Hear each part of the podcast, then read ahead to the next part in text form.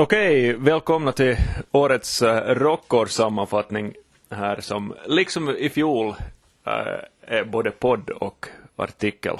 Uh, alltså både i OU-podden och i OU och på ou.fi. Med mig har jag OUs rockrecensenter Frans Rinne och Henka Jansson. Hej. Ja, hej. Det lät sån här presentationen av det här Lotto. Lotto över, övervakarna här. Ilto. Det där, ja, eh, första frågan, eller det tänkte vi först skulle tala om, eh, lite parallellt till fjolåret. Då inledde vi med att tala ganska mycket om, om döden och, och döda storstjärnor. Eh, Bowie och Prince kanske två av de, de största som gick bort då. I år, det har ju förstås dött folk i år också. Något, något sån här från, från, vad heter det, från fällen som känns speciellt tungt? Det är ju klart att Tom Petty är ju den som kommer först, åtminstone för mig. Att han hörde ju nu till det här som jag genom decennierna hade lyssnat på. Att, och dessutom, ja, det var ju jätteöverraskande att han hade ju spelat där ungefär några kvällar tidigare och sådär. Att, honom blir man ju nog att sakna. Uh, var det inte så att Glenn Campbell dog i år? Ja. Och ja. det var ju sådär liksom. Jag tog till mobilen fram och kollade att han inte också var 2016 men det var ju faktiskt i somras han, han dog visst. Och, och, och, och det, var, det var ju liksom, ska vi säga som så att kanske i Finland inte en artist som man kommer att tänka på sådär direkt. Ja, eller, eller liksom, äh, som är liksom jättemånga sådana countryartister så är det ju svårt att från liksom ett europeiskt perspektiv att se att hur liksom stor han faktiskt var och och, och, och, men sen också, och kanske samma gäller för Tom Petty också, att, att, att, att, att han, jag tror inte att han var lika stor i Europa som han var i USA, så två så här liksom om man tänker på så här amerikanermusik så mm. ganska stora namn. Och uh, Glenn Campbell var ju inte direkt överraskande, eller det hade ju redan pågått ganska länge liksom. Eller, och, men Tom Petty var ju väldigt chock, chockande på något vis. Ja. Samtidigt med Petty så han slog ju egentligen igenom i riktigt tidigt först i England, men sen blev han, blev han ju nog mera sån här amerikana-artist. Ja, eller det kanske just det där att, att, att hans musik kanske ur ett finskt perspektiv så låter det ju väldigt amerikanskt och kanske också sånt som, uh, eller det fanns liksom många, eh, eller, eller jag vet många människor som har liksom hittat Tom Petty nu i och, med, i och med att han dog helt enkelt eftersom han kanske No, han har nog haft en profil här i Finland redan och Henke brukar oftast ha haft hans skivor på, på sina listor och så vidare.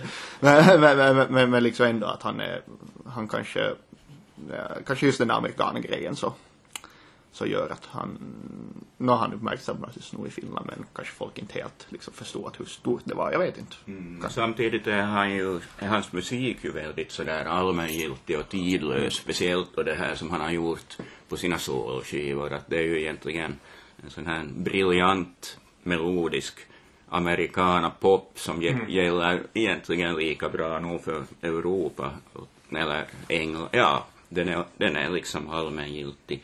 Men det är ju möjligt att han har haft en större publik i USA i alla fall. Ja, det var väl det också att han, han spelar väl inte supermycket utanför USA, vilket ju var synd, för jag minns alltså bara strax innan han dog så, så hängde jag ibland på hans webbsida för att kolla om han skulle få för sig att ta sig till Europa, för att han var en av de artister som jag allra helst skulle vilja se live.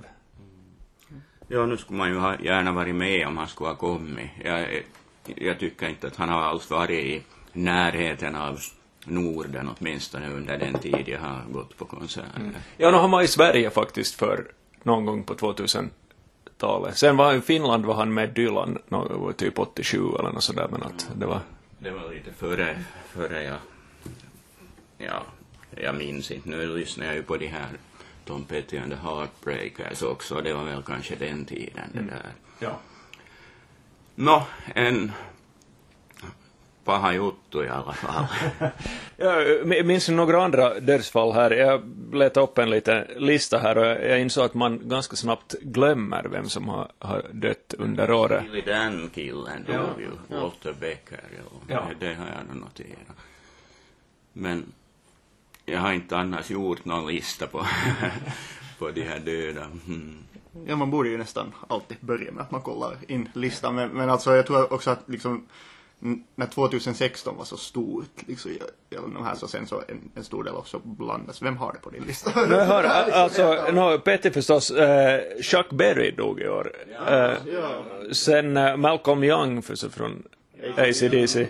Chris Cornell, Greg Allman och Walter Becker hade det här. Sen eh, Neo Fats Domino är ju kanske mera ett stort namn än någon som jag i alla fall har lyssnat på på det sättet.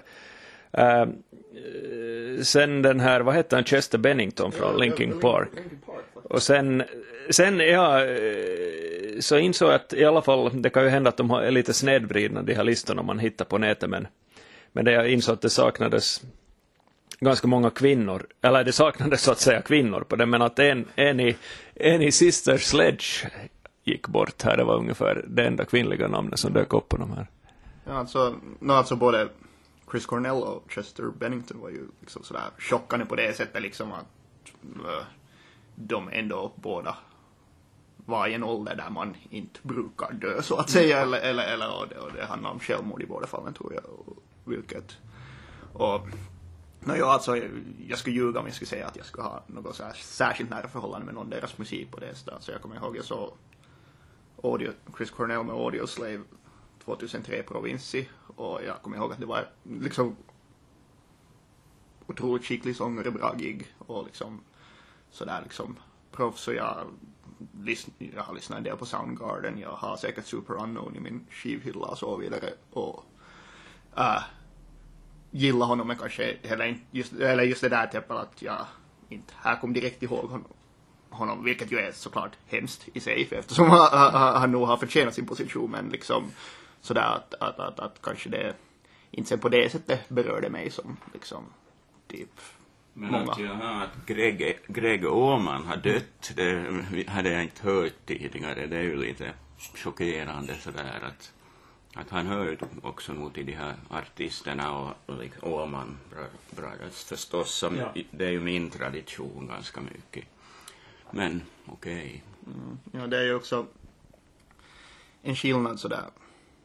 No, det är väldigt cyniskt att tala om ny, nyhetsvärde, men det är just liksom när en del är liksom ännu aktiva artister, medan sen en del då har kanske släppt ut något nytt material, eller än, ännu värre kanske inte har släppt ut något relevant mat- material, eller liksom vilket är höjden av cynism såklart, eftersom om man tänker på äh, typ Chuck Berry, som liksom äh, även om det är liksom, alltså det är nästan så länge sedan han var otroligt inflytelserik att det är liksom svårt från vårt perspektiv att fatta hur stor han var någon gång och hur liksom viktig han har varit för hela liksom rockmusikens historia. Eftersom no, han är liksom det, det som han gjorde hände för otroligt många årtionden sedan. Ja. Eller liksom, typ. Så, så, så, där, så där blir det ju också ett lit, ett lite sådär perspektivförvrängning på något vis. Liksom att man inte liksom har perspektiv på hur stora de här faktiskt var. Och samma äh, Fats Domino kanske. Ja, samma Också. med, kanske ännu mera. Ja. Eller, eller hela liksom, för att de har ju varit med om att skapa liksom ett helt sound som ännu är liksom grunden för det.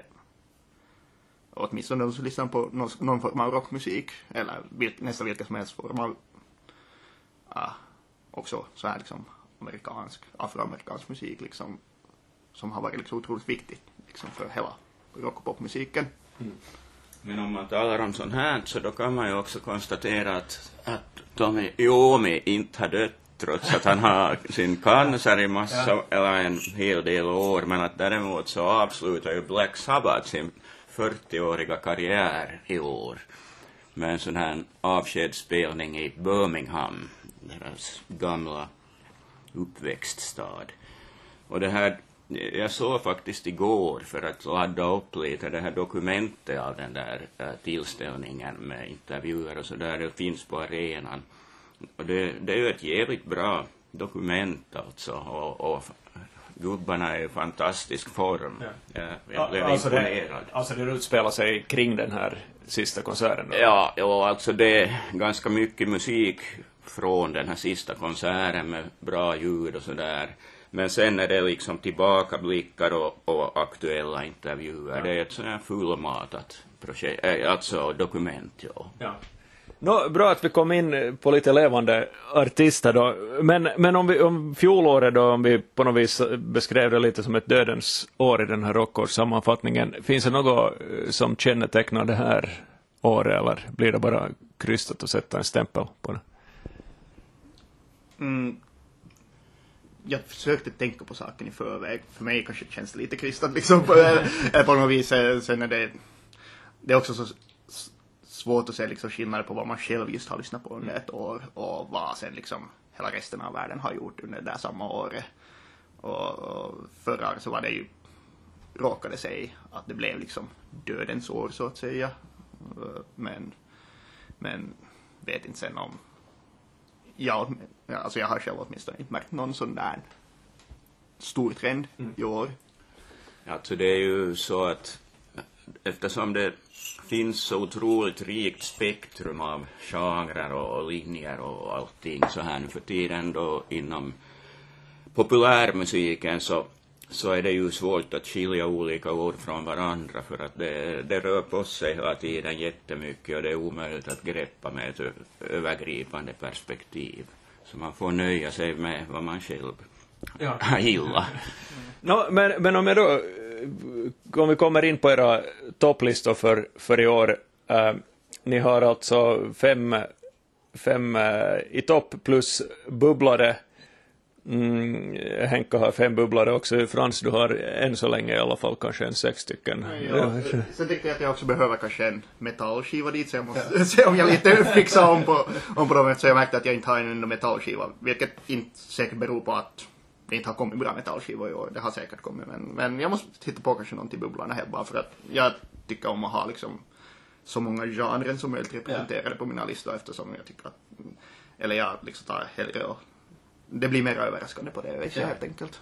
Men det som jag ser som, jag vet inte om det är något slags tema, men i alla fall ett faktum att ni har, ni har rätt mycket nordiskt på era listor. Henka, du har, eh, om man tar då de här fem i topp och fem bubblare, så är, är fem av tio skivor nordiska. Är det en slump? No, det är ju ovanligt, ja, i och för sig, men det, naturligtvis är det ju en slump. Men dessutom skulle jag kunna lägga in en till bubblare, för jag hörde idag förrän jag kom hit, det här Henrik Berggrens äh, solodebut, alltså Broder Daniel Henrik. Och den var ju också jätterolig att höra, Wolfs hat. Men att inte skulle jag säga att jag har lyssnat på mera nordiskt det här året än annars, utan det har nu helt enkelt blivit mera kvar i handen.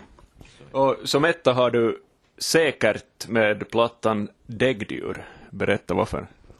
Ja, det är ju en sån här skiva som kanske inte så jättemånga känner till i Finland, men den, äh, eh, egentligen så fick jag den helt av en händelse i min hand. Det är så här Annika Norlin-projekt. Hon har dels en solokarriär, men sen har hon en karriär som säkert också. Norrländsk tjej.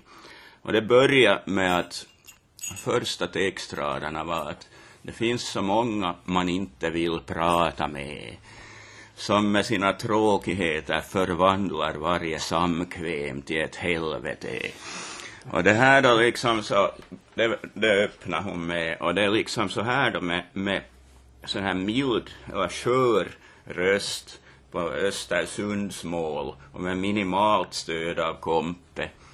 Och det gjorde verkligen intryck. Och sen fortsatte hela skivan på det sättet med sådana här stillsamma provokationer i långa rader bara så här. Och snygg sån här nedtonad indiepop. Så jag blev liksom sådär förtjust. Ja. Så du, den, den här, hennes texter anar jag då att, att en del av det här paketet som du gillar. Ja, nu texterna har ju en jättestor betydelse där och de är ju jätteframmixade också. Så, eller liksom ska vi säga att musiken ligger ganska lågt nere i ljudbilden, alltså Kompe. Men äh, sen var det ju också en ny bekantskap, att det är ju kanske inte varje dag som man hittar några helt nya artister som man aldrig har hört eller sådär och, ty och tycker att wow, att det här är ju helt fenomenalt. Mm. Så det var ju också en del av charmen i det hela. Ja.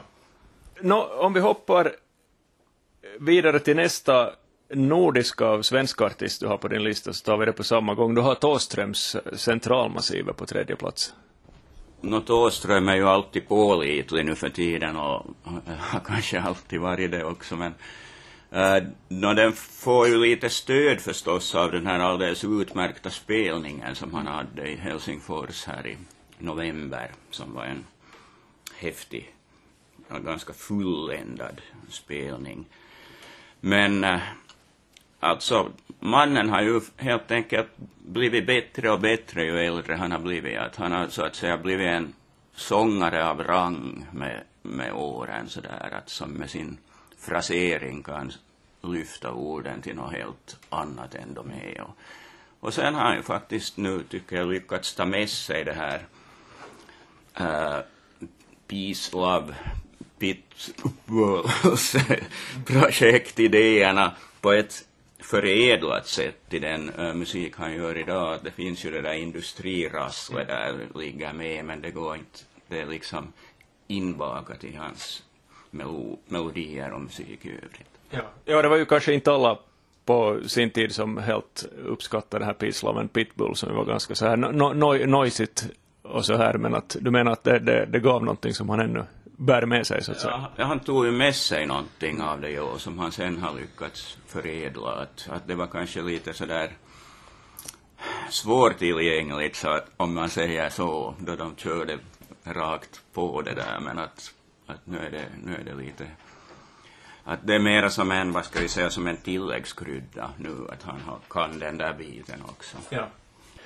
Eh, Okej, okay, Henka, du, vi har talat om två svenska eh, skivor med då eh, säkert texter som du i båda fallen har, har, har liksom spelat in i att de, de ligger så högt på din, din lista då blir det ju ett visst eh, kast till din etta Frans, i och med att den väl är instrumental.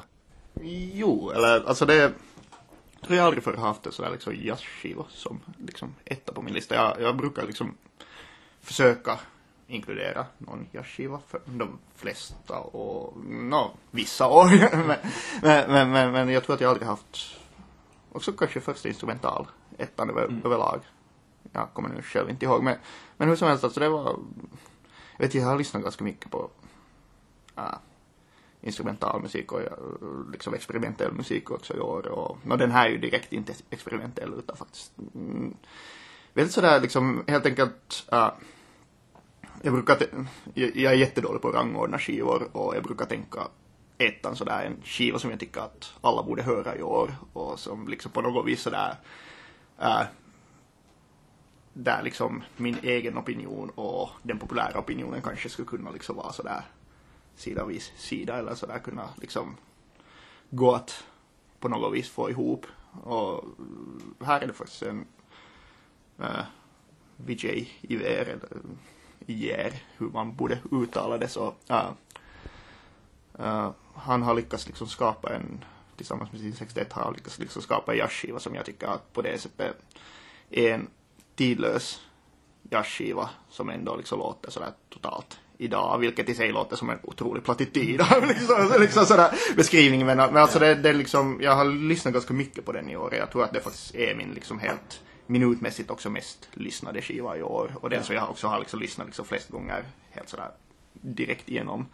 Så den kändes ganska sådär rätt på något vis som etta. Och dessutom så uh, jazzmusik idag så det blir väldigt lätt det att man att, att, att man ser det som en, en liksom sådär enhetlig klump att det finns liksom jazzmusik som har saxofon och sen mm.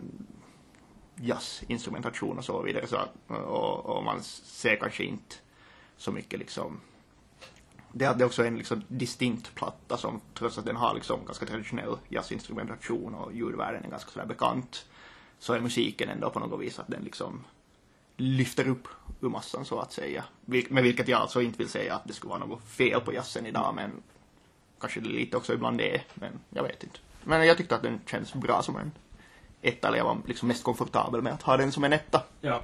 Och namnet alltså VJ Iver Sixtet Far From Over heter skivan. Eh, Han är alltså amerika eh, amerikan men alltså med, vad sa du, indiskt påbrå? Indiska, indiska rötter tror jag, liksom. eh, och det är ju också en sådär liksom, no, alltså man ska ju inte göra det här till en fråga om varifrån vem kommer, särskilt om det handlar om amerikaner som ju alla kommer någonstans ifrån på något Ja. vis. Så, men, men det är ju en ganska lite också där ovan liksom, man tänker jazzvärlden. Så, och, och, och det är ju, och bandet också på skivan är ju väldigt sådär, det är ju inte bara han här pianisten och bandledaren Vijay som ja, gäller där, utan det är ju också just en väldigt starkt också ett, ett liksom bandeffort och liksom otroligt balanserat samspel och sådär att Äh, det handlar inte om liksom någons ego på det sättet, vilket är väldigt trevligt att höra, utan det är faktiskt, de är väldigt fokuserade på musiken på något vis, vilket jag uppskattar väldigt mycket. Ja. Och sen eh, på andra plats, du sa att det står och lutar här, här mellan Ruichi Sakamoto, hans platta Async, alltså den här gamla eh, japanska keyboard, keyboardmästaren, och Mount Erie, A Crow Looked At Me. Uh, här har vi ju Sakamoto som ju också väl är helt instrumental den här plattan. Ja, alltså. Nu kommer jag faktiskt inte ihåg. Alltså den kan ha liksom något sådär liksom.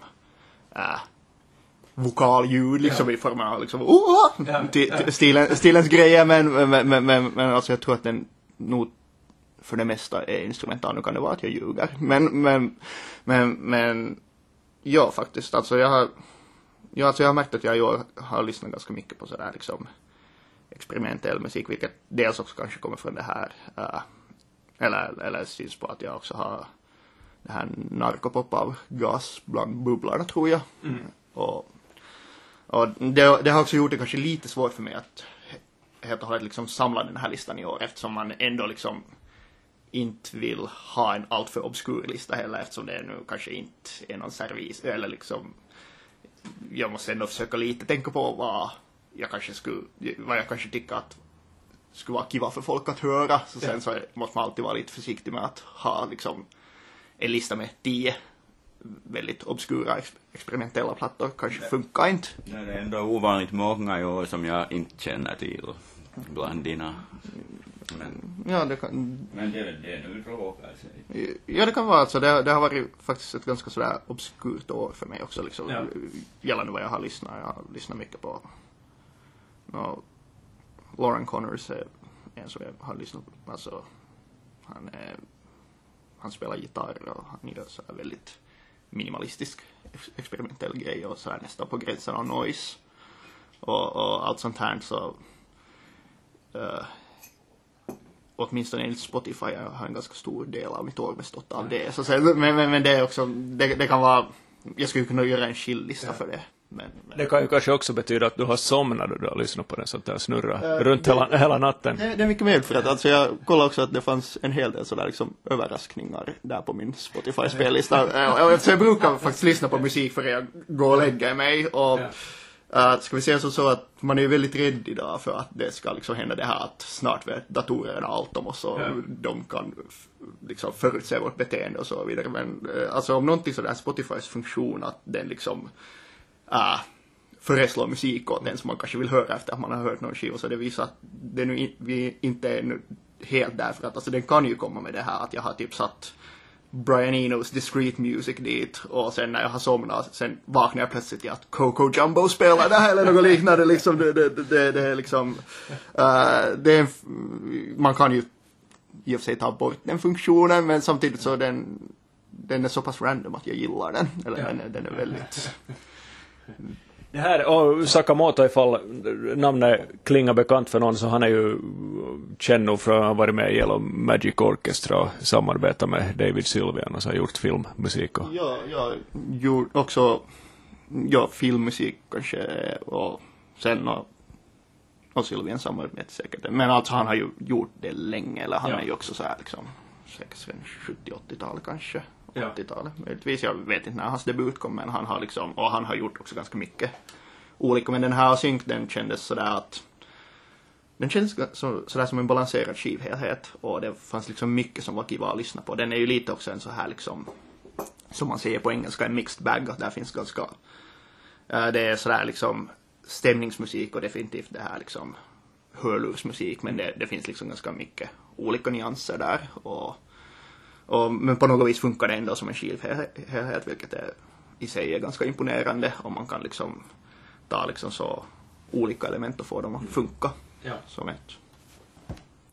Ja, Henka, du hade på femte plats hade du en inhemsk skiva, Petteri Sariolas Resolution, och jag har hört lite av honom förr, nu lyssnar jag igenom några låtar och jag hörde inte någon sång där heller. Är det så att den är instrumental?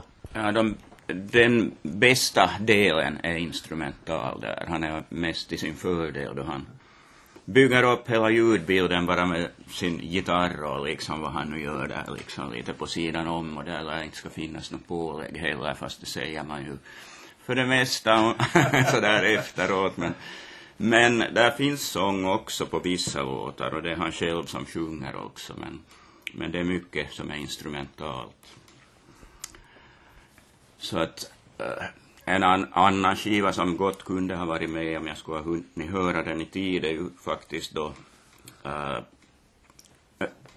Pohjolas skiva, Pohjolas, Pohjola skiva alltså med sin farsas musik och, och den är väl också i grunden instrumental om jag har förstått det rätt.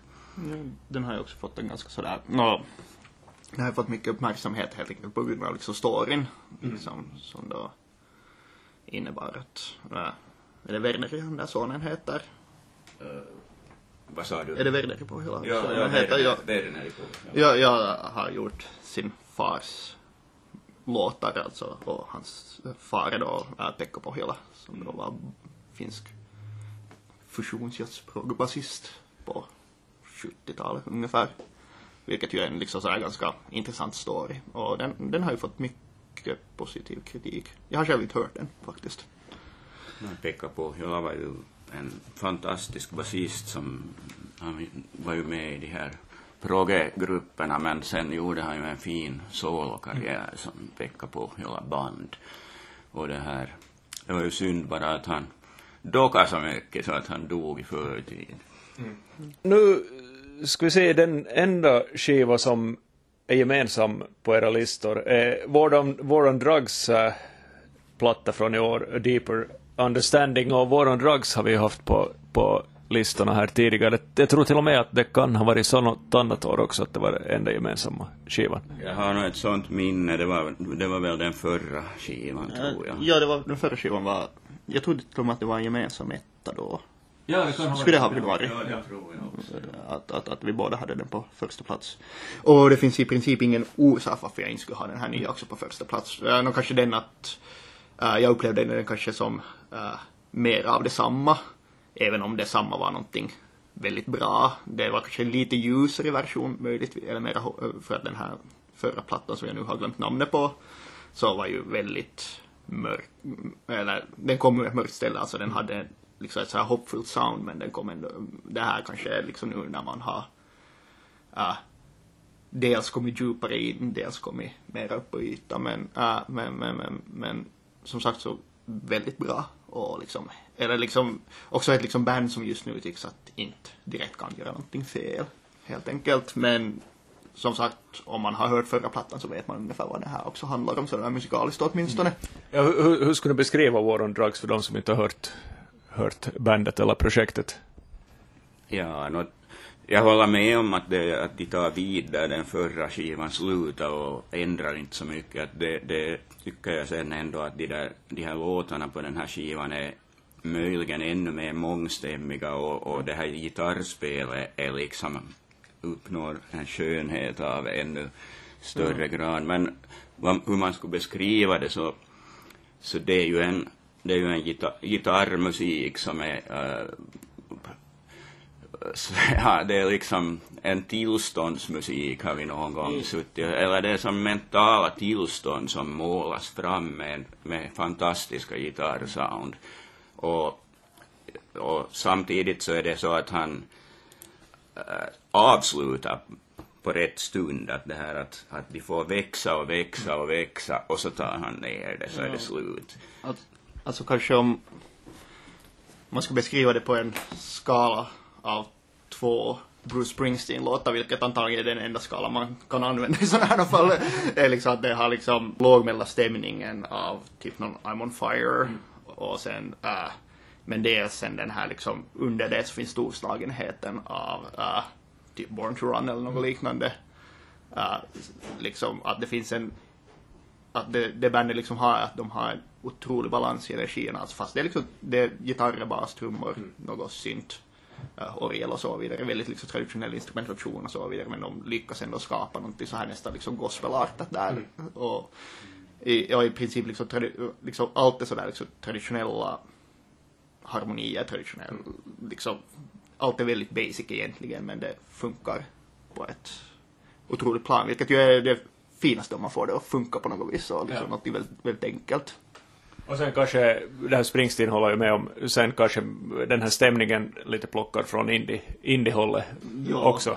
Här är definitivt en indie Springsteen. Ja, no, det har ju från början ansetts vara ett, ett rent indieband. Nu, nu bytte de ju skivbolag till Atlantic då, stort skivbolag, men, men då inledde de genast med att göra sin första singel, sån här nio minuters grej som sträcker sig över två små vinylsidor så här, så att de demonstrerar ju nu åtminstone genast att de inte tänker bli en i mängden där på Atlantic.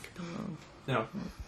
Ja, nej men alltså, äh, faktiskt också här en liksom det att en, framförallt liksom en fin skivhelhet. Liksom att, att, att, att också ett ba- band som liksom nu på de senaste två plattorna har liksom blomstrat upp för att alltså jag kommer ihåg att före den här förra skivan kom som jag nu kommer ihåg namnet på så, uh, så tyckte jag att uh, de är bra men de är inte helt där. Men sen kom plötsligt en otrolig skiva. Och, och nu kommer en till skiva av samma kaliber. Så de är helt tydligt har de liksom någonting på gång just nu. Från början var ju Kurt Weill med i det här bandet också och det här sen gick de åt så att säga skilda håll och då, det som hände var det att det blev två sådana här fantastiska Ja. äh, sammansättningar att Kurt gör ju sitt så att säga och det funkar jättebra och han har ju också gjort en skiva. Ja, han här tillsammans med Courtney Barnett. Ja, att den är ju helt trevlig sådär. Den är ju kanske lite av ett mellanverk men, men helt fungerande stuff.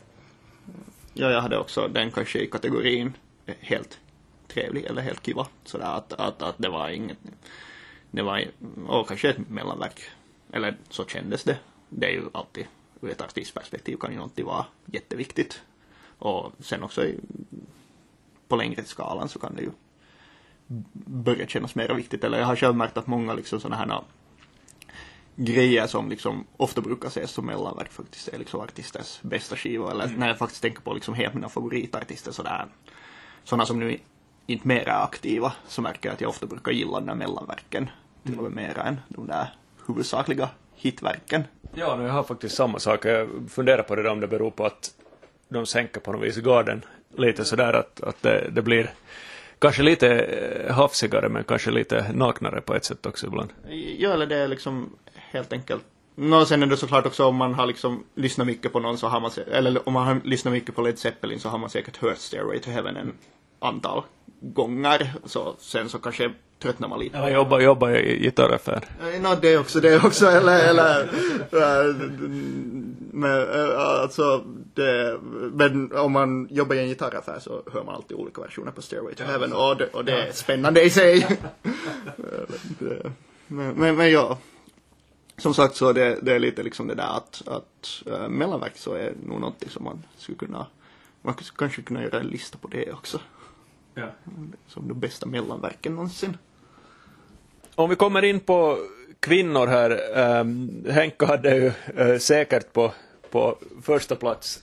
Eh, sen eh, har du Laura Marling på, på fjärde plats. Och om jag gör en koppling då också till samtidigt till Frans lista där du har Lee Ann Womack på en, en femte plats. Eh, kan ni berätta lite om varför ni har fallit för de här skivorna? Laura Marling med Semper Femina heter den. Jo, no, jag tycker, jag har tidigare kanske någon gång också haft någon av hennes skivor på den här listan. Jag tycker att hon är en jättespännande artist som skriver sånger på det sättet att det är liksom till synes sådana ganska inkörda harmonier, men sen är det det ändå inte för att hon plockar hela tiden in sådana halvtoner som gör att de här sångerna inte är sådana som man nu direkt sjunger. Men de blir spännande och de är lätta i greppet och hon spelar jättebra gitarr och har fina texter och är en bra sångare. Och den här skivan anknyter ju ganska starkt till Johnny Mitchells mm. 70-tal i uh, Los Angeles eller var hon nu var då. Och det här med en, en liknande tematik också om kvinnlighet och gränsen mellan vänskap och kärlek och så här. Och i och för sig så Angela Olsen som jag har som bubblare så de har ju ganska mycket gemensamt de här två att de är liksom skickliga och personliga sådana intimt skapande kvinnor av samma generation. Mm. Ja, sen dessutom om vi fortsätter på din bubblarlista, du har Hallå Helsinki som vi konstaterat ju nog kan räknas till de kvinnliga artisterna för att det är kommer ju inte stunden på vad hon heter den här sångerskan, men hon är ju, kan man ju nog lugnt säga, den här kärnfiguren. Ja, Elisa Tiilikainen ja. heter hon väl på riktigt. Hon heter ju något Helsinki. Eller Hallå tror jag att hon. Ja, just det, ja, ja, ja. Men Tiilikainen är hennes namn. Men ja, det är ju hennes, alltså de gör ju det tillsammans och alla behövs, men utan henne skulle det ju vara ett dussinband. Men att med hennes röst och, och vad heter det, hängivelse och faktiskt riktiga karisma helt enkelt, mm. så blir det ju fakt någonting att, att hon, jag tycker att låten Kärpästen herra som finns på den här äh, nya sen, årets skiva så är ju oerhört gripande och texten är faktiskt svår att komma ifrån. Att, då hon skriver om självupplevd mobbning och, och det finns en stark dramatik i det där. Jag tycker att det är en bra skiva. Jag hata, eller alltså jag var helt ointresserad av Hallå Helsinki under många år, men sen började jag närmast i misstag höra lite och tyckte hmm, att den här tjejen har ju en bra röst åtminstone och sen hörde jag lite mera och sen har det nu utvecklats till det att jag faktiskt tog den här skivan med till och med på bubblarlistan och det är ju trevligt om man kan ändra åsikt. ja, eh, Frans, om vi då går över till Uh, Lian Womack som du alltså har på femte plats på din lista. Uh, här är vi inne på, på countrymarker. Ja, alltså hon är kanske för mig den liksom, eh, uh, om jag i början av året skulle ha tänkt för mig antal, uh, vem som är minst sannolik av de här att komma in på min lista så är hon antagligen för att alltså inte det, det är inte en artist som jag har haft ett så här, liksom särskilt nära förhållande med tidigare eller liksom jag har vetat att hon finns till och jag, jag har alltid gillat hennes röst och så vidare. Men den här nya plattan den var faktiskt liksom sådär, alltså ironiskt nog så är det, äh, jag tycker att man brukar ofta tala om att att man inte mera gör skivhelheter och så vidare. Men ironiskt nu så är den här plattan av veteranartisten så den som känns minst som en skivhelhet på min mm. lista faktiskt. Eller liksom, den är, det finns allt för många spår på den och, och den är liksom, man skulle kunna gjort den typ äh, hälften kortare nästan och så vidare. Men samtidigt så representerar den för mig någonting som är liksom väldigt tryggt och väldigt stiligt och väldigt snyggt helt enkelt. Liksom, äh, allt är liksom, alltså jag har själv den här grejen att jag gillar om saker är lite sådär snett och jag, jag gillar om man gör saker lite sådär snabbt och med äh, mera inlevelse än äh, så skicklighet, eller jag brukar ogilla så här skicklighet, men ibland så är det ändå bra med någonting som är sådär liksom, känns sådär att man har en sådär trygg känsla när man lyssnar på det. Och det är kanske just det den här Liam Womacks nya platta sen igen har, vilket uh, nog känns väldigt bekvämt. Och, eller det är helt enkelt en väldigt bekväm platta för mig att lyssna på. Och jag, jag har märkt att jag har ganska mycket lyssnat på den men just sådär att typ en låt åt gången.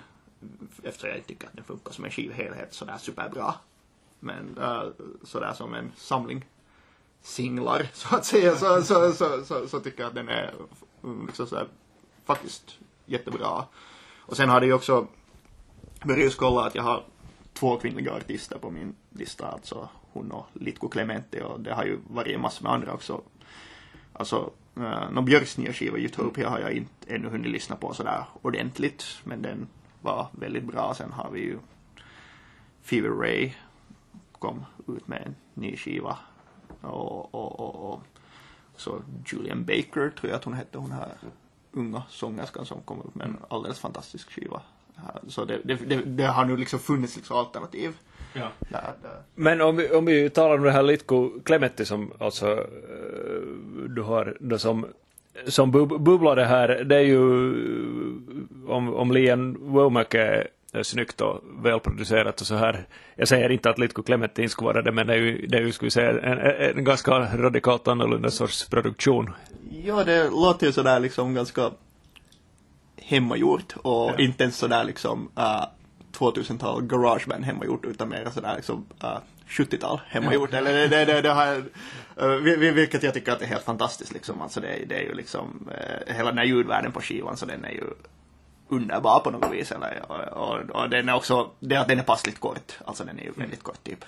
Är det under en halvtimme eller jag tror att den är där kring Slayers Rain in Blood ungefär okay. längd. Så det, och det är ju, för mig är det liksom den perfekta längden för en skiva liksom mm. för att jag är sådär, jag har inte världens bästa koncentrationsförmåga så och jag orkar liksom lyssna igenom den med en sittning sådär lätt och, och sen är det ju också det här liksom om produktionen är sådär liksom äh, snabb så att säga. Mm. Äh, så, så då kräv, kräver det ju väldigt mycket av låtarna och här är låtarna ju fantastiskt välskrivna i Litko Clementis fall eller väldigt sådär väldigt smarta texter, uh, roliga uh, iakttagelser och sen musikaliskt också sådär liksom roliga idéer. Liksom en skiva som, uh, även om den nog behand, den behandlar liksom svåra teman på ett sätt som känns väldigt positivt ändå och, och inte alltför, eller, eller den är liksom, den är djup utan att vara deppig. Mm. Uh, och den är deppig egentligen utan att vara deppig. Vilket är ganska liksom sådär svårt att, en ganska svår balansgång. Ja. Och, och, och, det är ju en skiva också som har fått ganska mycket uppmärksamhet och som, jag tror inte att jag är den enda musikkritikern här i landet som har den på sin lista. Men äh, definitivt, alltså den förtjänar vara där och jag tycker att alla borde höra den. Liksom, mm. den är helt enkelt. Men alltså kan man beskriva det som någon sorts, äh, lite ska säga, indie, äh, indie som är med, med fötterna i någon sorts 70-talsslager? Ja, alltså det finns ju lite, jag vet inte om man kan kalla det för ett agitprop. Alltså jag levde ju inte själv på 70-talet så jag vet inte egentligen vad det handlar om. Men, men, men, men, men, men, men, men 70-talet kom ju liksom direkt sådär, alltså till och med liksom någonting No, nu i och med Ultra Bras comeback så har ju det ja. varit liksom på ytan. Så till och med liksom någonting kanske i det, eller jag kan tänka mig att samma människor som gillar Ultra Bra möjligtvis skulle kunna gilla det här. Även om Ultra Bra ju alltid var liksom väldigt sådär cleant och välproducerat och väldigt noga instrumenterat och så vidare. Så, och det här har kanske mera punky edge på ett sätt. Mm. Men, men, men, men, kanske lite ändå i, liksom, inom samma nisch. Sådär. Ja. Och, och, och, och det, det är liksom, och sound är ju liksom, det är helt rent 70-tal, att skivan skulle kunna vara från 70-talet. Ja. Är det någonting som du har lyssnat på, Henka? Jag, jag har faktiskt inte lyssnat. Däremot kom jag att tänka på det då Ultra Bra kom upp. Att Ultra Bra var också ett av de här banden som jag så att säga mer eller mindre såg ner på i tiderna då de var så jättepopulära. Och jag brukar alltid säga att jag Agit Propp gjorde allt det där redan på 70-talet och bättre och så vidare. Så nu för tiden köper jag sådana här gamla ultrabra skivor. Så att man kan ju ändra sig, jo, som i den här frågan också. Ja. Det var en parentes. Ja. Men, men Frans, jag tror du, du glömde faktiskt en kvinna och jag har den här Sissa som jag har kommit fram till att, att det ska uttalas ja, för, ja, ja, med platt, för, plattan Control. För, ja, ja, för att tydligen ja, känner jag inte igen om det, det här med könsneutrala bokstavsnamn som jag tydligen har svårt med. Men, Men, men jag alltså... Så vi ska kanske säga att om, om någon blir nyfiken att alltså skrivs SZA det här artistnamnet. Ja, alltså en soulskiva som är ganska sådär, också, också den har det här att den har lite sådär garageartad produktion. Alltså det är ju inte liksom sådär världens renaste ljudvärld där, vilket är ganska kiva igen. Eller liksom särskilt i sådär liksom soulmusik om man ändå har en sådär liksom röst som bär det och man har liksom låtar som är liksom kanske sådär skrivna ur ovanliga perspektiv ändå där också. Liksom att det är i principen så här liksom så här rent liksom låtskrivningsmässigt så är det på sätt och vis en sådär ganska standard R&B, modern R&B grej. Men sen samtidigt så finns det ett, lit, lite sådär vändning i perspektivet vilket gör det intressant och också det här att liksom ljudvärlden är lite sådär mer rå kanske än vad den brukar brukar vara på sådana här plattor så gjorde helt enkelt en väldigt intressant platta och, och just det där att, att, att, att uh, också en röst som på något vis mm, talar åt mig eller liksom uh, berörde mig. Och sen om vi eh, genast fortsätter på lite samma linje, du har Kendrick Lamars Damn här också, alltså ett av de stora, stora namnen inom hiphopen och kanske lite utvidgat liksom svart musik överlag, alltså Kendrick Lamar. Ja, alltså, mm, jag hade lite den känslan att jag måste, nu måste jag väl ha honom mm. på, på, listan. Alltså jag har ju haft hans äh, två senaste skivor, äh, Good Kid Mad City och sen How to Pimp a Butterfly har ju varit lite högre upp på min lista. Nu har jag, jag tror att jag har honom bland bubblarna i år.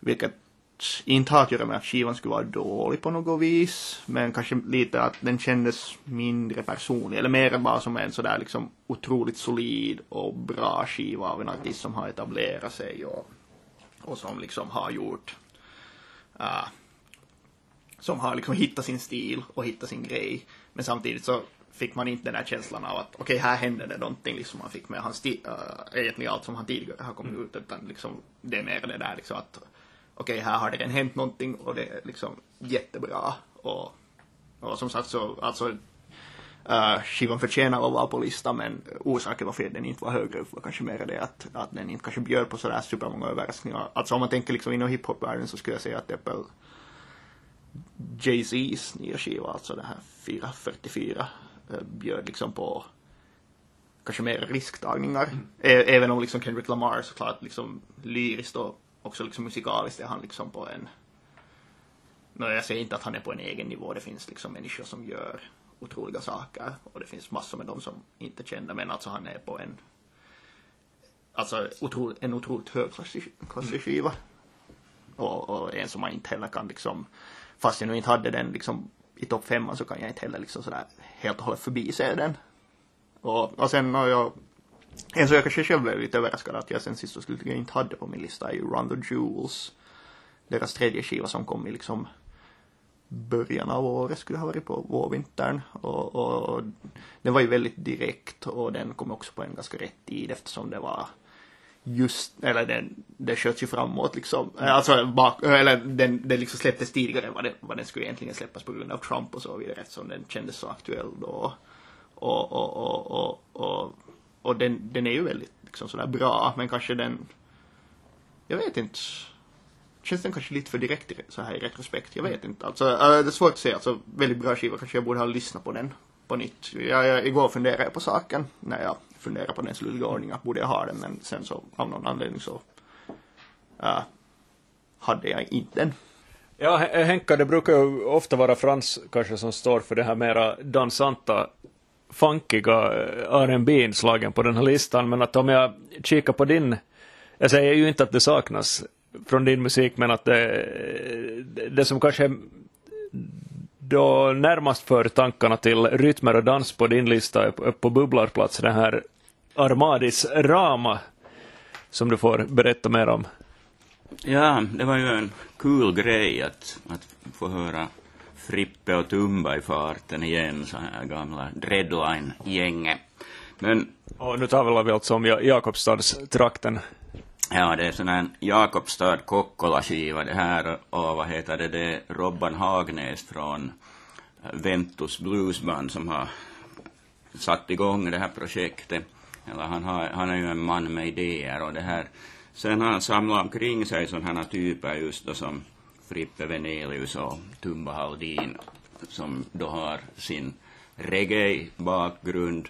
Och så har han också, äh, vad heter det, eh, fått in lite folkmusik med några fina folkröster och så här. Och, och, och sen blir det en sån där osannolik helhet som egentligen skulle kunna kallas en sillsallad av av egen ny reggae på österbottniska. Det är ju också den här poängen att allt går på den här österbottniska dialekten, just, no, just det här Jakobstad, Karleby köre.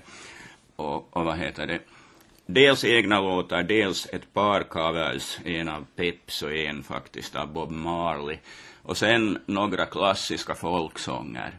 Men ändå känns det som helt så här som en helhet och det beror ju mycket på de här typerna och deras sätt att sjunga och, mm. och, och sen det här just österbottniska äh, folkmålet då som så att säga. Så det här, här finns sådana här Alltså Grannas bastun till exempel, ja. som nu alla har hört nästan säkert i någon version. Så det, det är en sån där, det, är en av årets roligaste stunder jag har hört den. Så där, för det liksom blir en sån fenomenal grej som flippar ut helt då i slutet med sådana här improvisa jazzimprovisationer och alla möjliga.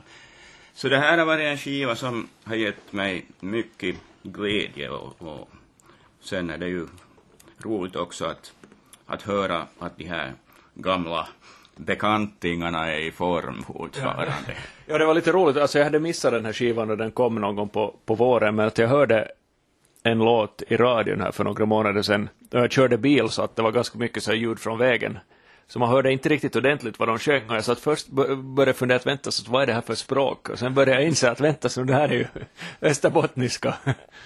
Ja, no, det låter ju lite som ett eget språk om man inte hör det ordentligt. Själv har jag ju uh, som du också, en österbottnisk bakgrund, så, ja. eller sen, jo, alltså, sen, sen, när man sen, lyssnar så liksom, förstår... Det här var, då, då, då öppnade det sig, men just när man hörde liksom svagt eh, och så överröstat av mm. vägens ja. brus så tog det ett tag innan det, det var den här skär i vädret. Ja, ja no, det är ju inte den enklaste där sådär textmässigt. Ja. No, ja. Nej men, det, och sen är det ju det att också om man inte skulle förstå den här uh, liksom i Akobstad, Karleby-språket då, så, så det gör ju inte så mycket för att det liksom är en helt fantastisk smet ändå med de där rytmerna och sen de där rösterna och sådär. Ja. Det är en sån där bra feeling-skiva. Att där finns ingen ångest eller så här, utan här, där är det som nog ganska roligt helt enkelt. Ja. Ja. Om vi tittar jag på vidare på dina, dina bubblare, här har vi två Två veteraner, äh, vi nämnde, nämnde det här äh, Led Zeppelin här i förbifarten i något sammanhang. Nu har du då eh, gamla Led Zeppelin-sångaren Robert Plants Carry Fire och så har du Bob Dylans Triplicate båda på som bubblare. Ja, no, det var kanske lite överraskande för mig att Bob Dylan kom med med sin, en del i sin amerikanska sångbok, för det är ju ett sånt här projekt som jag nu från början kände mig ganska främmande för.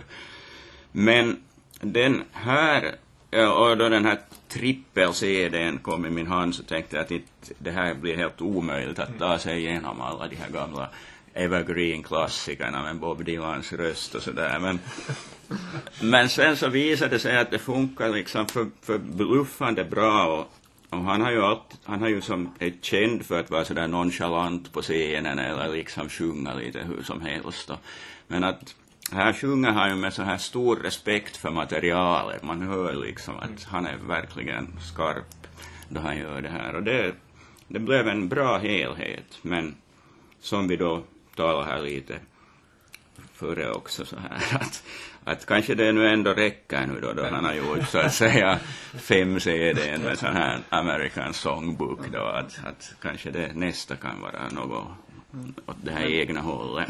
Det, det, det måste man ju säga eh, för de som kanske har den här bilden av att han bara kraxar nu för tiden, vilket han ju delvis kan göra live eh, åtminstone, men att han sjunger förvånansvärt melodiskt och mjukt ofta på det här, speciellt det här American Songbook-skivorna. De sjunger han väldigt så här, på an, som om han skulle vara en annan röst Ja. lite sådär. Att, och det beror ju nog säkert på att han älskar det där materialet på ett traditionsbundet sätt, att han har vuxit upp med det och så vidare. Och så Ja.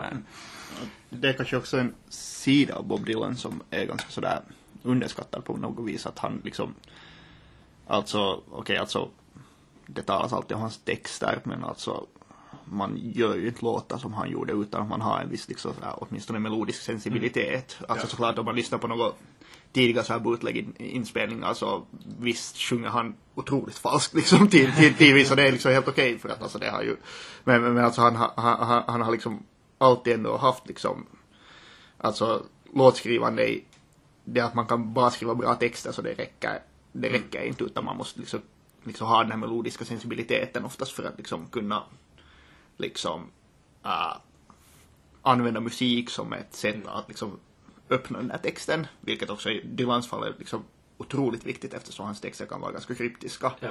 Och det är ofta man hör liksom artister som har liksom här kryptiska och på något vis väldigt högtravande texter. Och där liksom sen den här liksom musikaliska sidan inte har liksom samma liksom sammanhang med musiken som liksom Dylan eller samma liksom connection med musiken.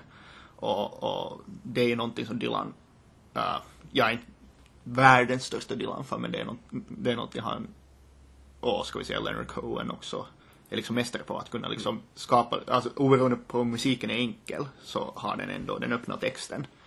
Och också här liksom, jag tycker att det är ganska, jag har själv inte lyssnat på de här American Songbook skivorna men alltså jag tycker att det är helt fint om man får den här, eller liksom folk liksom förstår, eller folk via de här förstår att okej han är faktiskt en musiker eftersom Ja. man har honom alltid i den här liksom luckan av att då han skriver bra texter men inte han är en speciell musiker. Han, han, alltså tidvis har jag hört liksom att han är en otrolig musiker liksom på, också på liveinspelningar liksom. Och Han har ändå en förmåga för improvisation och så vidare.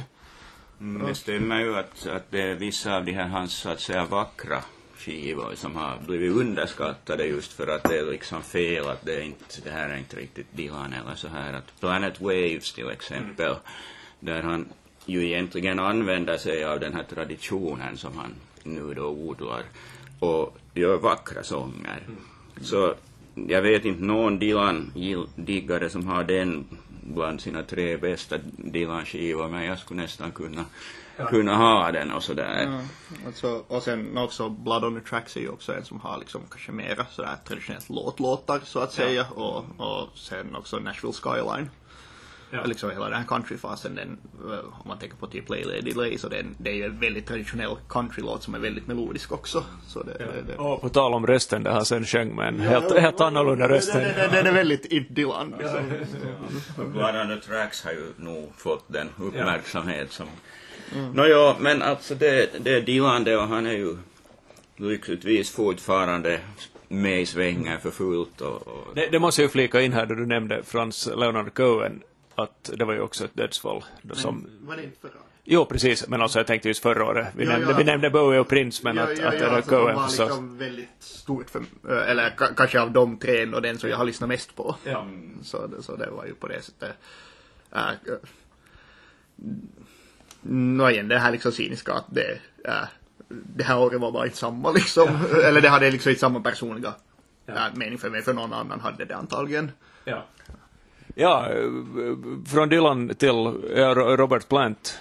Ja, uh, Robert Plant behöver man ju kanske inte säga så mycket om. Uh, han har ju aldrig så att säga, eller liksom Dylan har ju aldrig varit borta heller mellan, okej, Led Zeppelin tog slut, men han, han är ju den i gänget som på något sätt hela tiden har gått vidare och, och fortsatt att vara musikaliskt nyfiken och odla en sån här äh, han har tagit med sig från Led Zeppelin mycket av det här bluesbottnade men sen har han blandat det då med de här äh, et, etniska inslagen från keltiska och Afri, från Afrika, äh, olika delar av Afrika och så vidare.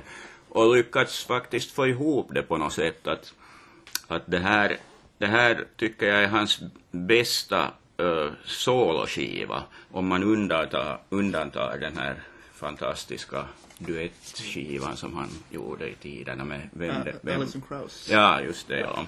Sådär att, att därför tog jag med den för att, att det är imponerande också att han faktiskt fortfarande har den här, det här glittret i rösten kvar. Att han, han har gått ner, han sjunger inte lika högt mera, men han sjunger med samma liksom snärt. Mm. Ja, så det är ju också liksom i Plants fall liksom sådär liksom. eh, det att han, eh, eller någonting som jag också kommer att tänka på liksom när Henka här talar om Plant att liksom att rösten är ju i princip sådär liksom uh, registermässigt är den i ett helt annat ställe än vad det var på 70-talet men ändå liksom så han, han har liksom fått två otroligt bra röster, vilket såklart mycket har att göra med så här, liksom, naturligt musikerskap och sådär. Att han liksom, alltså han kan ju bara sjunga. Och, och, helt enkelt. Och det är liksom, och det är ju i princip liksom samma som man liksom uh, också hör med, jag, jag kommer själv att tänka på den här ena videon med Son House, den här gamla bluesgitarristen som liksom uh, är från 60-talet och har liksom återhittades och antagligen sen inte hade spelat gitarr på en tid och antagligen hade sysslat med en massa annat som säkert inte var helt och hållet hälsosamt. Men sen när han liksom ändå uh, kom och spelade liksom Death Letter blues så var det sådär liksom ändå sådär liksom wow liksom att fast man liksom insåg att okej det här är inte mera samma Ja. liksom uh, virtuosa liksom spelare som det var på 20-30-talet men ändå liksom sådär liksom uh, om man har det så har man det och Ja. Robert Plant kanske och han är fortfarande en väldigt skicklig sångare och han har ju en liksom bra röst och i princip en helt häls- mer hälsosam röst säkert nu för tiden än vad han hade under Led Zeppelin-tiderna och också säkert en mer hälsosam livsstil.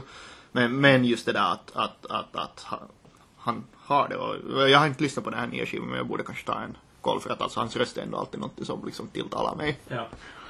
Ja, finns det andra sådana här gamla, om man nu kallar dem rävar, som har, har imponerat i år? Och det finns ju många återkomster nog att sen har de ju imponerat mer, mera eller mindre då så att säga att Ray Davis gav ju till exempel ut sitt första album på närmare tio år och så vidare. Från The Kinks alltså. Ja, just det och, och det här Americana hette den skivan, intressant nog för han är ju så att säga mm, profilerad som den här brittpoppens föregångare och, och, och också ha, har alltid byggt på det här brittiska. Men att han bor ju nu för tiden i USA och, och det är ju en sån här kärlek som han har till USA som aldrig har blivit riktigt besvarad. Att det här att Kinks slog ju aldrig igenom i USA sen så sloddes de ju på scenen då han och hans brorsa i känd stil och då sånt gillar man inte i USA. Därför gick det ju inte så bra för Oasis heller, för de bröderna sloddes ju också på scen. Men att det om det, men han, han så att säga har här gjort det här geniala draget att slå ihop sig med The Jayhawks, som ju är liksom amerikanans, eh, vad ska vi säga, fundament, en del av det. Och, och det funkar förvånansvärt bra att, att det här, de här killarna i bandet, så de ger något till samtidigt som de respekterar då hans tradition. Det är Ett knippe snygga låtar, berättelser, så här. Ja. Att det, det är nu en. Mike Oldfield kom ju tillbaka och så, men jag var inte lika imponerad kanske av hans return to Ommadon. Att det här, han by, bygger där på den här gamla klassikern Ommadon och gör liksom en liten ny variant. Och det kan ju vara okej, men det är inget, inget speciellt med det sådär som blir kvar i minne. Jag vet inte, sen är det ju många som som kanske aldrig har varit borta på samma sätt som Steve Hackett gjorde ju en mycket bra faktiskt så här Okej. proggeskiva så, som där, där, där det är riktigt häftiga gitarrer om man gillar sånt och sådär. Han, han gjorde bra, en bra skiva, den kunde ha varit på bubblorna till och med för min del. Och sen kom Roger Waters tillbaka, surare än någonsin. ja, ja nej, han, han är mera förbannad än någonsin och det säger ju inte så lite så här på sin nya skiva, men jag tycker nästan att det blir lite too much att, att har man nu lyssnat på Pink Floyd och sådär så kan det ju ha ett, sitt intresse att, att lyssna igenom den, men det är nu ingenting som jag har så här på repeat i min CD-spelare direkt ändå. Det finns säkert, det finns andra, det finns sådana som är på, men om vi nu talar om de här riktigt kända så, så det här är nu, ja, Steve van Sant har ju inte ägnat sig åt sin solokarriär faktiskt på ett tjugotal år vad jag nu kan minnas. Men han gav ut en soloskiva, Soulfire och sådär. Och den är ju kul, han har ju alltid bra, bra feeling åtminstone ja, sådär. Att, att det, det är kanske inte sådär liksom att uppfinna något nytt, men det, det är att, att använda traditionen på ett sätt som man märker att det här gillar han att göra. Så. Man kan ju också nämna att Lisa Ekdahl sjöng på svenska igen för första gången sen, jag vet inte när alltså. Hon slutade med det för otroligt många år sedan. Sen blev hon genast igen populär i Sverige. Ja. Det tycks vara så enkelt.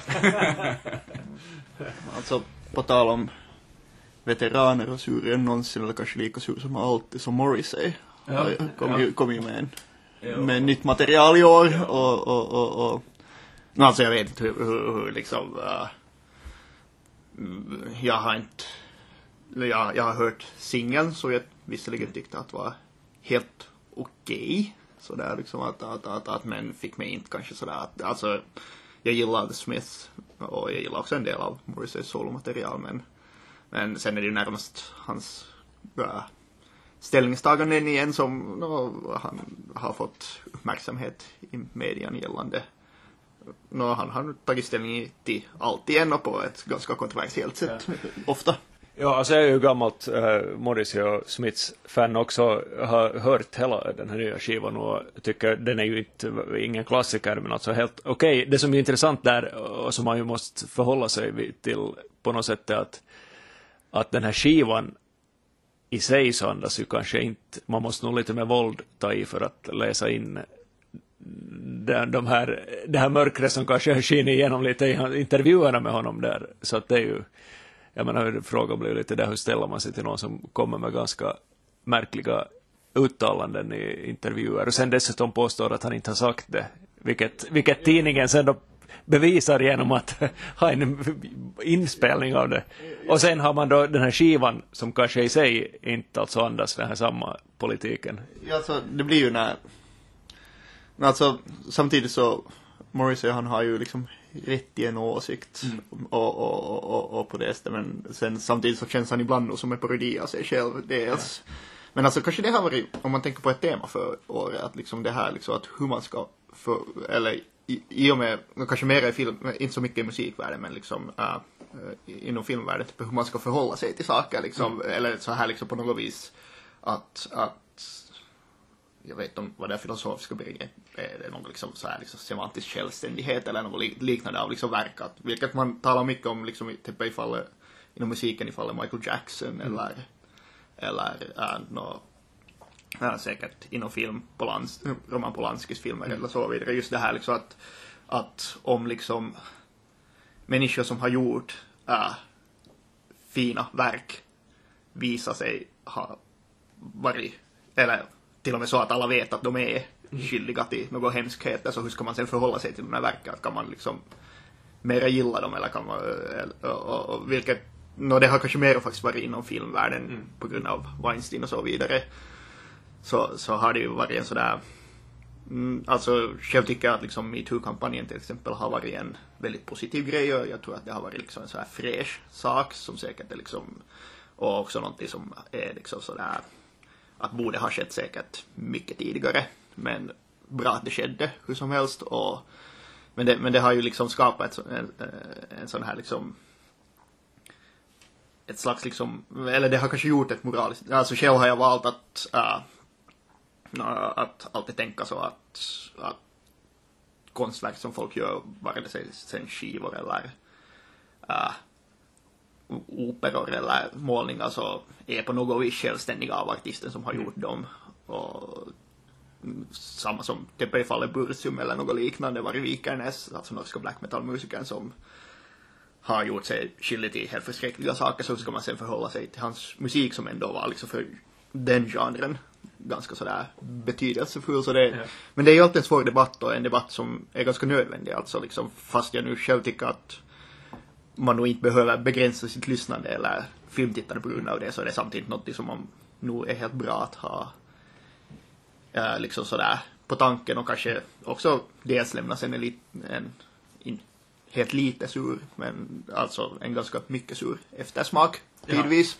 Det var ju alltså det här, eh, de här häftiga åsikterna som Morrissey, har- jag har hört den där skivan men jag har nog inte, så att jag kanske inte har lyssnat på texten och, och inte läst några intervjuer heller. Ja, no, alltså det har ju handlat, no, det, dels äh, har ju varit hårt för eh, Brexit, vilket ju, jag menar, det tycker jag nog inte i sig är superkontroversiellt, men enligt många, Eller många överraskande. men, nej, men, men sen han väl så där indirekt, eller, eller nu ja, ganska direkt också försvara lite den här, eh, det har vi Weinstein, eh, eller liksom lite, Ja, det, ja. det, det, den grejen, plus att han då väl målar upp Tyskland som, som och Berlin som någon sorts sån här våldtäkts, våldtäktshuvudstad också på grund av, av den här flyktingvågen dit och sån här och, och vi säga att han kanske inte alltid har de starkaste, den starkaste kanske researchen bakom vad han säger och sådär, jag vet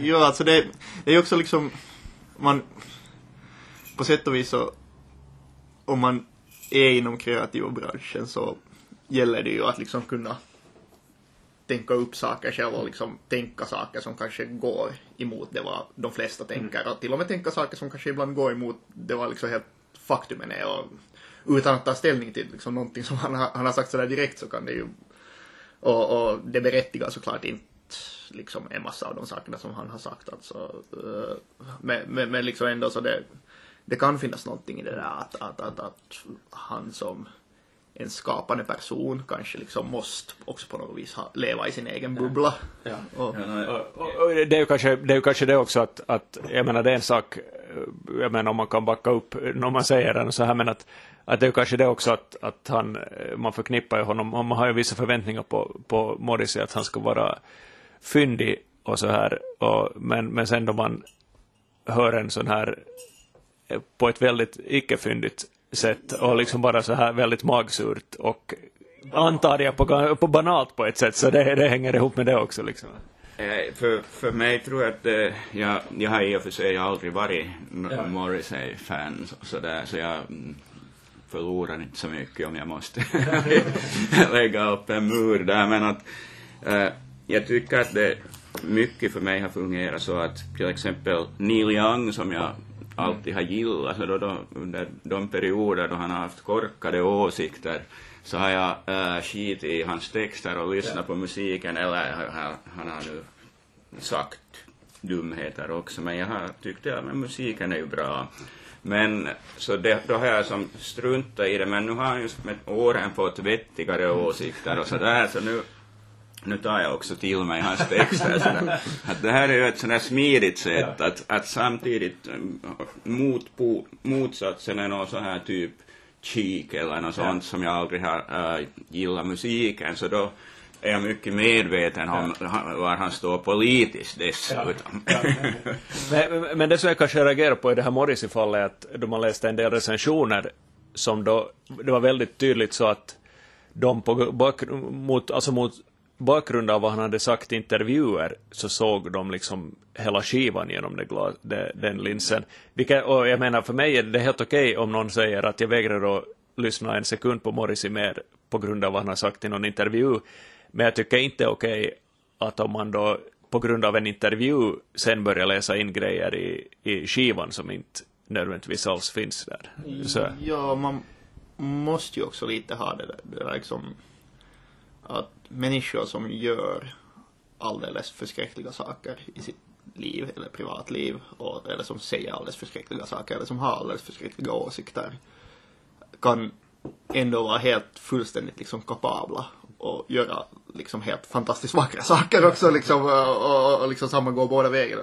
Och, och, jag, och samtidigt som det nu har liksom kommit upp en massa saker så är jag helt säker på att det finns liksom många av liksom sådana grejer som jag uppskattar väldigt mycket och som är väldigt bra att ha liksom sådär på något vis otroligt dåliga motiv bakom sig och, och, och liksom där i bakgrunden. Så och, och det är inte liksom för att liksom på något sätt liksom förminska det där liksom att hur liksom äh, äh, eller man måste vara väldigt försiktig när man talar om den här saken för det blir väldigt så, lätt, lätt så att man liksom på något vis struntar i offren och liksom äh, säger att ja men det var värt det. Vilket, vilket det absolut inte är men, äh, men ändå liksom alltså det, för vi har ju haft liksom typ att alltså självdestruktivitet har ju liksom varit en viktig del av liksom artistbilder än länge liksom. Eller liksom många artister som vi gillar är självdestruktiva. Det, det har på något vis, och det, det är liksom på något vis helt okej för oss liksom om vi tänker på Amy Winehouse eller Kurt Cobain som var självdestruktiva så där, där har vi liksom vi klandrar dem inte moraliskt för det de gjorde. Även om, men sen direkt när det riktar sig mot andra, särskilt om det riktar sig mot folk som är i en svagare position, så då blir det direkt något som vi har mycket svårare med. Men det är Och- också och- en jävligt stor skillnad. Jo, jo, alltså det, det, det, det är en otroligt stor skillnad. Och, och, och då blir det liksom mera ett liksom etiskt val vi måste göra att hej, att den här personen liksom äh, äh, har sagt sådana här saker, har gjort sådana här saker, men sen samtidigt har den äh, medans eller efter eller före det skapat någonting otroligt vackert. Så hur ska vi då förhålla oss till det här vackra alltså?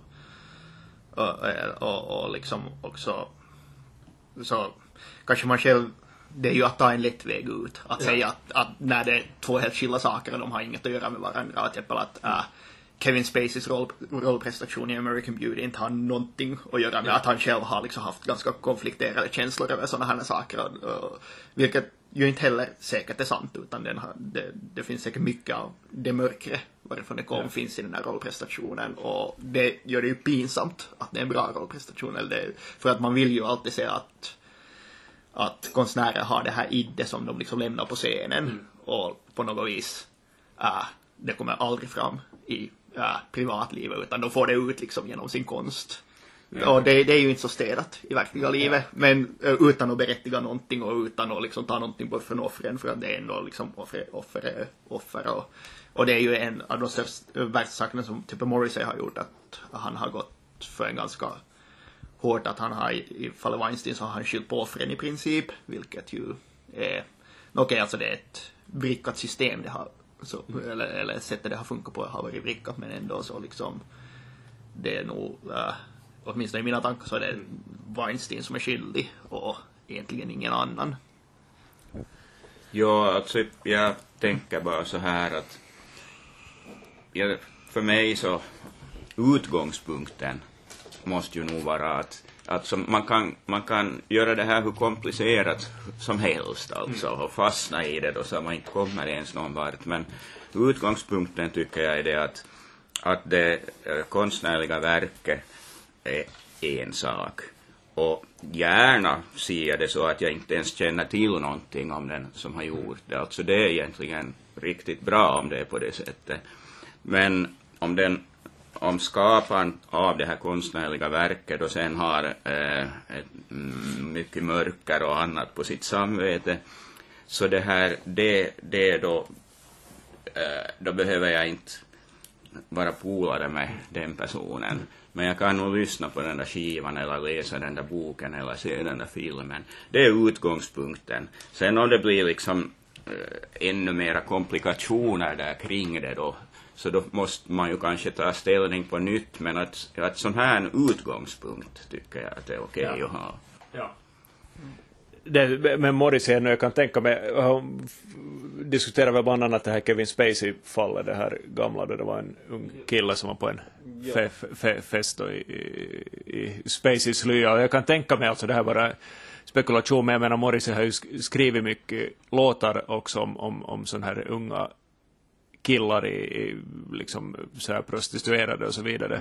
Att det där, det finns en sån här världsbild och kanske del, eventuellt delvis självupplevt liksom där det finns liksom en sån här ganska komplicerad sexualitet och sån här och att han ur den erfarenheten på något vis då inte vill se det här som en väldigt svartvit situation heller i det här Spacey-fallet. så att, Alltså det är ju alltid lite den här frågan att, äh, för att alltså man måste ju kunna inom vilken som helst konstform göra verk som är okorrekta och behandla saker ur ett okonventionellt perspektiv. Och, uh, ofta så brukar det ju vara, alltså det är lättare, eller, eller jag upplever det själv åtminstone, att det är liksom lättare nästan att skriva till exempel ett bra filmmanus som har väldigt liksom eh, som har liksom en message, eller som har ett meddelande som är väldigt liksom sådär mo, mot vad man borde tänka, mm. än att man är skriver ett bra manus som är sådär liksom väldigt,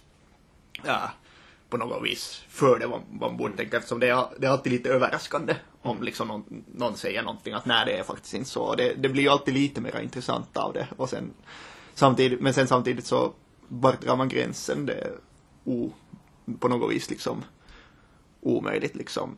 Och, no, det är inte, alltså det är inte omöjligt, det finns gränser säkert, men liksom just det där att, att, att hur ser man till exempel, no, i fallet Morrissey så också det att han har med sina åsikter så har han ju skapat en situation där folk inte längre kanske helt tar honom på allvar. Eller liksom han har Ja, det finns säkert de som, de som tar Morrissey på allvar, men åtminstone när jag hörde om de här nyheterna så var det mer sådär att jag rullade på ögonen lite och det, ja. sådär att det är Morrissey, okej, okay, vad, vad, vad, vad, kan man vänta sig? Men det rimmar dessutom. men, men, men, men, men, på något vis gör det Alltså det, det har nog kanske, särskilt för hösten så har det nog varit ett tema i år att man har liksom tänka efter att liksom uh, också no, särskilt sen i fallet Weinstein när det ändå handlar om ett produktionsbolag som är liksom, som har gjort en massa, uh, massa väldigt bra filmer liksom, alltså, ja. alltså liksom säkert hälften av de tio bästa, min lista för de tio bästa amerikanska ja. filmerna från de senaste liksom 20-30 åren så ja. är Weinstein proddade så hur ska man sen förhålla sig till det? Ja. ja. Så det... Kanske vi sätter punkt för den uh, utvikningen här om, om uh, hur man ska förhålla sig till att separera konstnären från konstverket, om man säger det kort. Uh, lite tvärt kast faktiskt, inser jag tillbaks till din lista här Frans. Vi har några skivor som vi väl inte har desto mera diskuterat. Du har LCD Sound System till exempel, du har uh, Mount Erie nämnde du, du har The National, amerikanska, ja. amerikanska, jag, jag vet inte om jag is, påstå att det finns någon genrebeteckning som täcker alla de här tre, men... Nej, jag tror inte att det, det, det finns väl direkt. Alltså LCD Sound System tänkte jag, för er började tala om Morrissey så tänkte jag nämna honom bland så här liksom veteraner, eller ja. LCD Sound System banden är svårt, där är det också svårt att se skillnaden mellan bandet och frontfiguren. Ja. Men, men hur som helst så, uh, bland de här liksom veteranerna som har gjort comeback för att uh, LCD Sound System sa ju för några år sedan att de slutar. Jaha, och, det och, och, det här är ju nu i princip en kanske inte alltför överraskande comeback-skiva. Och som var eh, uh, LCD Sound System har ju som de har ju det att de är otroligt jämnstarka. Alltså alla deras plattor är bra i princip. Kan man ta vilken som helst av deras plattor och lyssna på den och den är säkert bra. Och samma gäller också för det här nya American Dream som uh, uh, ser, alltså, alltså igen en gång bara en otroligt solid platta och väldigt sådär liksom musik som samtidigt liksom är sådär, no, alltså uh, en känsla av David Bowie och, eller David Bowie ska man uttala hans namn? Jag har, mm, jag borde... Lite Talking Heads-vibbar fick jag ibland. Talking Heads definitivt och liksom just så här liksom också uh, Roxy Music och så vidare. Och liksom helt, alltså, uh, som sagt en underbar solid skiva igen en gång. Inget mm. överraskande där. Men, men ändå, kanske ändå lite överraskande att man comeback-skivor är ju alltid lite en risk att, okay, att, att, att, att klara dem. Och särskilt när deras sista skiva ja, innan deras hiatus tyckte jag att var deras liksom bästa. Okay. Så sen hade jag lite den här liksom känslan att okej, okay, att finns här nu en risk för att det, det liksom blir någon slags eh, eh, så här lite av en maglandning eller något liknande. Men nej, det blev faktiskt inte. Ja. Utan det var, det var faktiskt sådär bra till och med till en överraskande grad, vilket ja. var kiva. Sen den här The Nationals uh, Sleep Well Beast, var det så att du Henka hade funderat eventuellt på att ha den också på din? Ja, den var, fanns med bland de som jag tänkte på. Men jag har nu den sen i den här kommande extended version okay. sen på, på, vad heter det, bloggen. Men det är ju ett band som för mig också har ja, de är ju väldigt lätta att tycka om, om man säger det så, med sina snygga sånger och, och, och vad heter det, men lite kändes det ändå för mig som att den här, de här det som de har gjort här, den här föregående skivan och den föregående före den, så de har varit sådana höjdare så att den här kanske inte riktigt nådde upp till det. Mm. För mig var det kanske ändå en liksom sådär positiv överraskning eftersom den ändå försökt sig på någonting lite nytt. Alltså det är ju ett band som ändå har litat ganska starkt på den här, på en liksom så här viss formel och såklart om man har en röst och låtskrivare som liksom Matt Beringer så är det ju svårt att liksom komma på sätt och vis undan det där vissa soundet eftersom eh, röst, sång, hans sångröst helt enkelt bara är så igenkännbar så det är liksom uh, man får göra ganska stora ändringar liksom i allt det andra, liksom musiken och så vidare, för att det skulle låta annorlunda. Och här hade de ju åtminstone liksom försökt liksom ta sig liksom lite kanske mer åt ett elektroniskt håll. Alltså det var någon som kallade för deras Kid A, alltså Radiohead-skivan som då var mera elektronisk och så vidare. Kanske jag inte nu skulle gå helt så långt jag skulle kanske inte ens heller kalla det för deras liksom Yankee Hotel Foxtrot liksom med tanke på Will, Wilco. Men, men alltså det var ändå lite annorlunda vilket var kiva och låtmaterialet var igen starkt som det alltid är. Och ja, jag tycker att jag har under åren så tycks det nästan sådär att jag har sagt så mycket om The National att, att, att, att det är lite liksom svårt att hitta på någonting liksom sådär fräscht att säga. Men alltså skivan kändes ändå liksom sådär fräsch och det var helt kiva med lite mera äh, kanske en lite mer elektronisk ljudvärld och, och någon form av risktagning åtminstone utan att ändra på formeln. Ja, no. Jo, den är ju lite annorlunda, det tyckte jag också. Sen tycker jag ju nog att de här elektroniska inslagen som finns då kanske inte i alla låtar men i vissa är de ju, finns de där så det är ju nog på något sätt mera som en krydda att att, ja. att nu sätter vi in något lite mm, häftigt här i, lite i ljudbilden, att det blir lite Deepage Mode eller Joy Division också, mm. inte bara liksom de här uh, REM eller vad, som ja. de här grunderna kanske mm. har varit. Men, men en bra skiva alltså, det, det håller jag med om. Ja, liksom alltså igen i The Nationals fallet av de där banden att man kan ta vilken som helst av deras liksom skivor och man alltså om man inte har hört det tidigare så är det säkert någonting man borde kanske höra. Eller som jag skulle rekommendera åt vem som helst. Nästan. Ja. Ja, okej. Okay. Det där... Uh, jag tänkte kanske vi skulle sådär halvabrupt börja avsluta här. Uh, någonting som har blivit osagt? Ja, no, det har ju sagts ganska mycket. Man kunde ju förstås nämna någonting från Åbo också, sådär ja, att ja. Jag, jag fick nyligen i min hand det här Joensuu Riihimäkis senaste album och, och det är ju nu är, är jag ju en sån person som tycker som lätt kan tycka ganska bra om traditionell gitarrmusik och sådär men jag gillar det här deras touch med den här lite G.G. Cale skumpande äh, amerikanska rockmusiken. Och de får nu representera Åbo då för min del i den här diskussionen.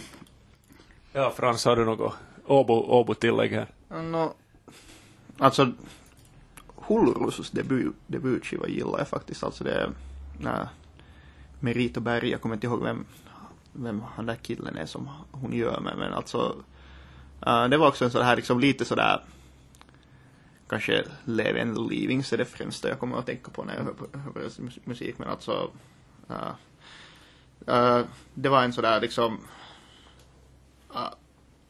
väldigt fräsch sådär liksom jag tror att det var någon Helsingin Sanomats kritiker som kallade det för mielenterveys i Indien, väntas vad skulle det nu sen bli på svenska sådär liksom? Mentalvårds... Mentalvårds... Nej, jag menar terveys kanske inte, men alltså med, ja. Ja, ja sådär liksom.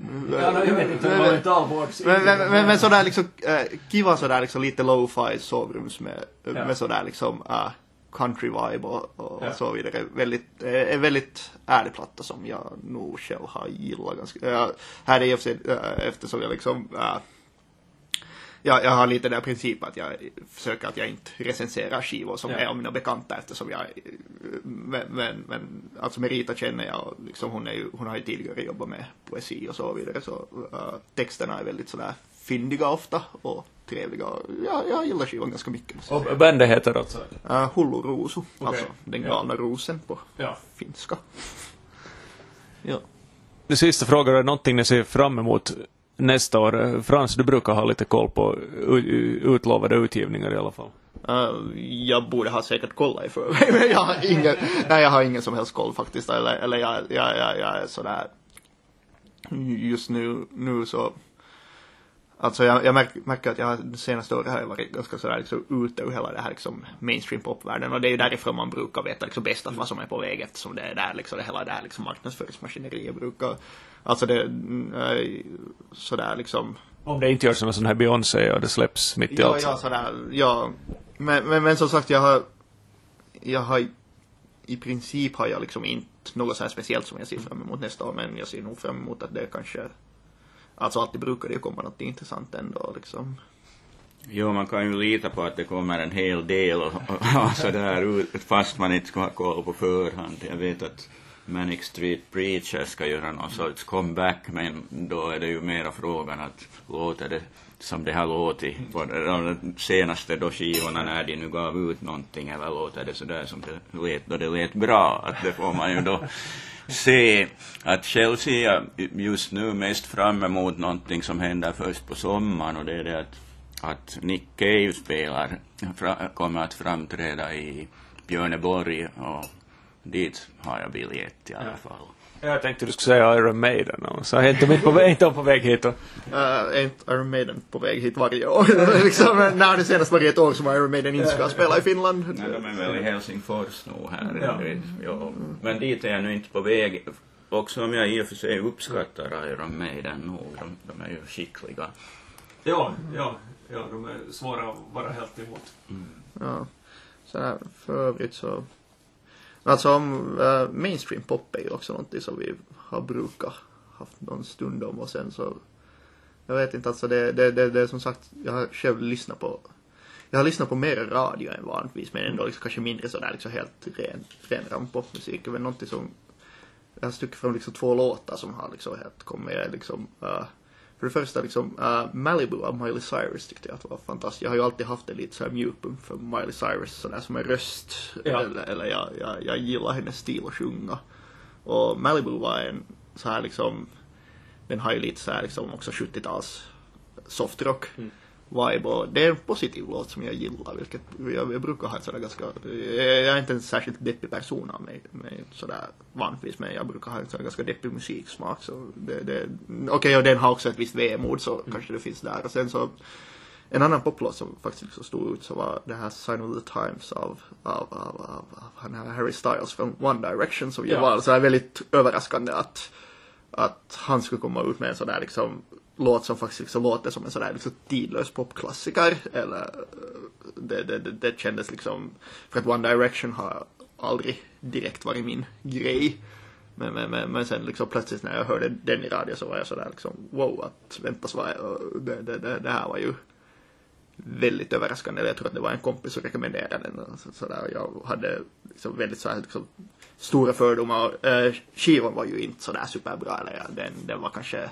Men den där eh, första singeln, Sign of the Times, den var ju helt underbar. Sådär som en poplåt.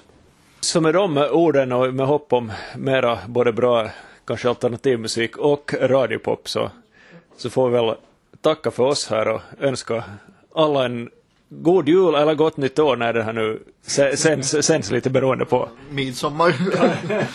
Ja, ha det så kul med lyssningen. Eller det, det kanske man borde ha sagt då i början. det är för sent. Hoppas det var värt.